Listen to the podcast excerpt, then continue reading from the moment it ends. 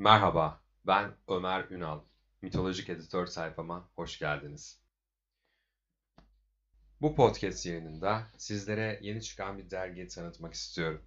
Aslında elimde şu an ikinci sayısı var derginin.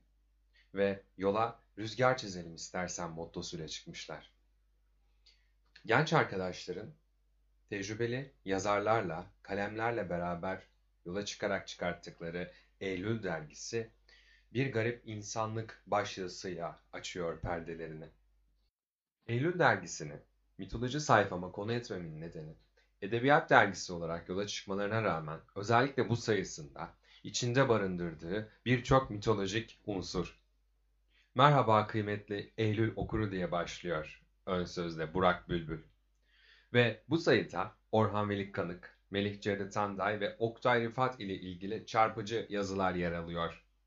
Bunun dışında yine sayfaları çevirdiğimizde Kızıl Nehir isimli şiirde aslında mitolojik bir takım olayları ve bir takım ifadeleri görmek yine mümkün. Sudaki yansımasına aşık olan bir kızın hayatı bize çok çarpıcı bir dille sunulmakta. Bunun dışında yine yazarların dile getirdikleri bir takım konular ve ifade tarzları da özellikle mitoloji severleri yakalayacak boyutta.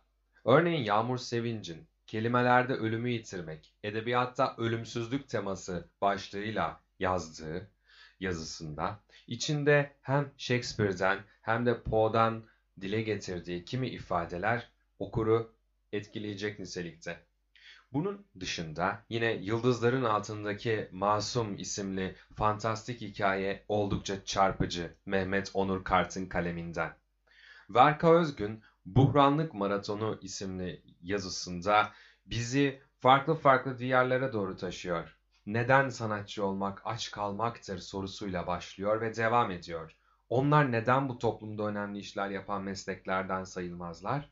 Çünkü hissederler diye de devamını getirmiş. Can Türkdoğan'ın Değişebilir miyiz isimli yazısında ise bir döngüden söz ediliyor.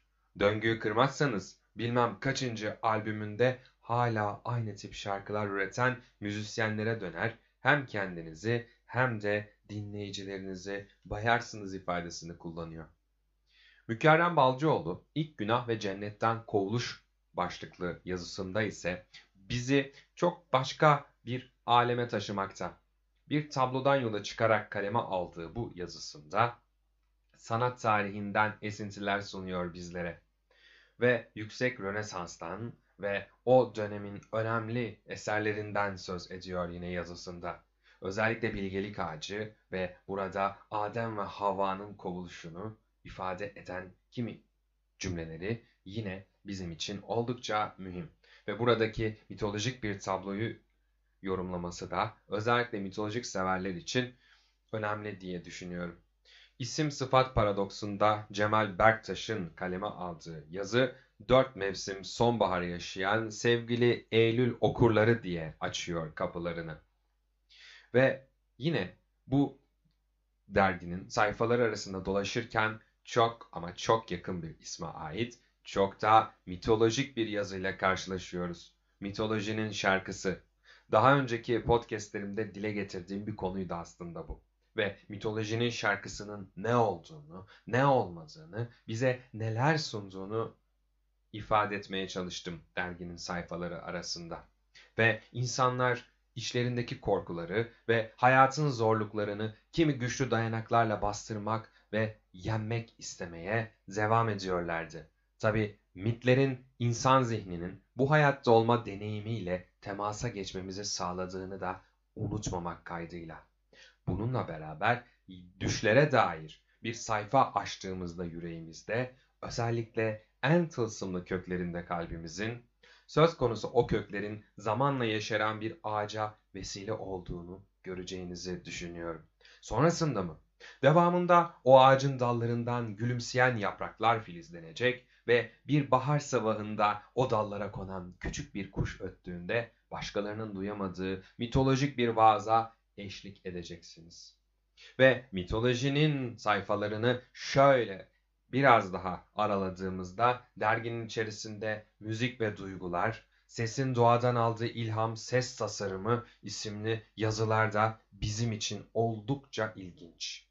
Ve bilinçle bilinçaltı arasındaki çizgide bir müzik grubundan yine söz ediliyor. Müzik de zaten her anında mitolojiyle kesişen bir nokta değil mi?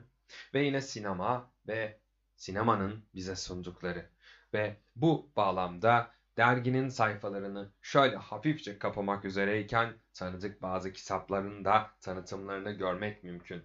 Eylül dergisi Rüzgar çizelim istersen diyor. Rüzgar çizebilen, rüzgar çizmeyi sevebilen ve Eylül'ün hayatımıza aksettirdiklerini yaşam döngüsü içerisinde bulabilen okurlara, edebiyat severlere sesleniyor. Özellikle bu sayısını mitoloji severlerin de çok ama çok beğeneceğinden eminim. O halde ben de diyorum ki rüzgar çizebilmek için haydi elimize alalım kalemlerimizi ve belki de o kalemler kağıtlara değil de gökyüzüne düşürecekler mürekkeplerini. Ne dersiniz? Müzik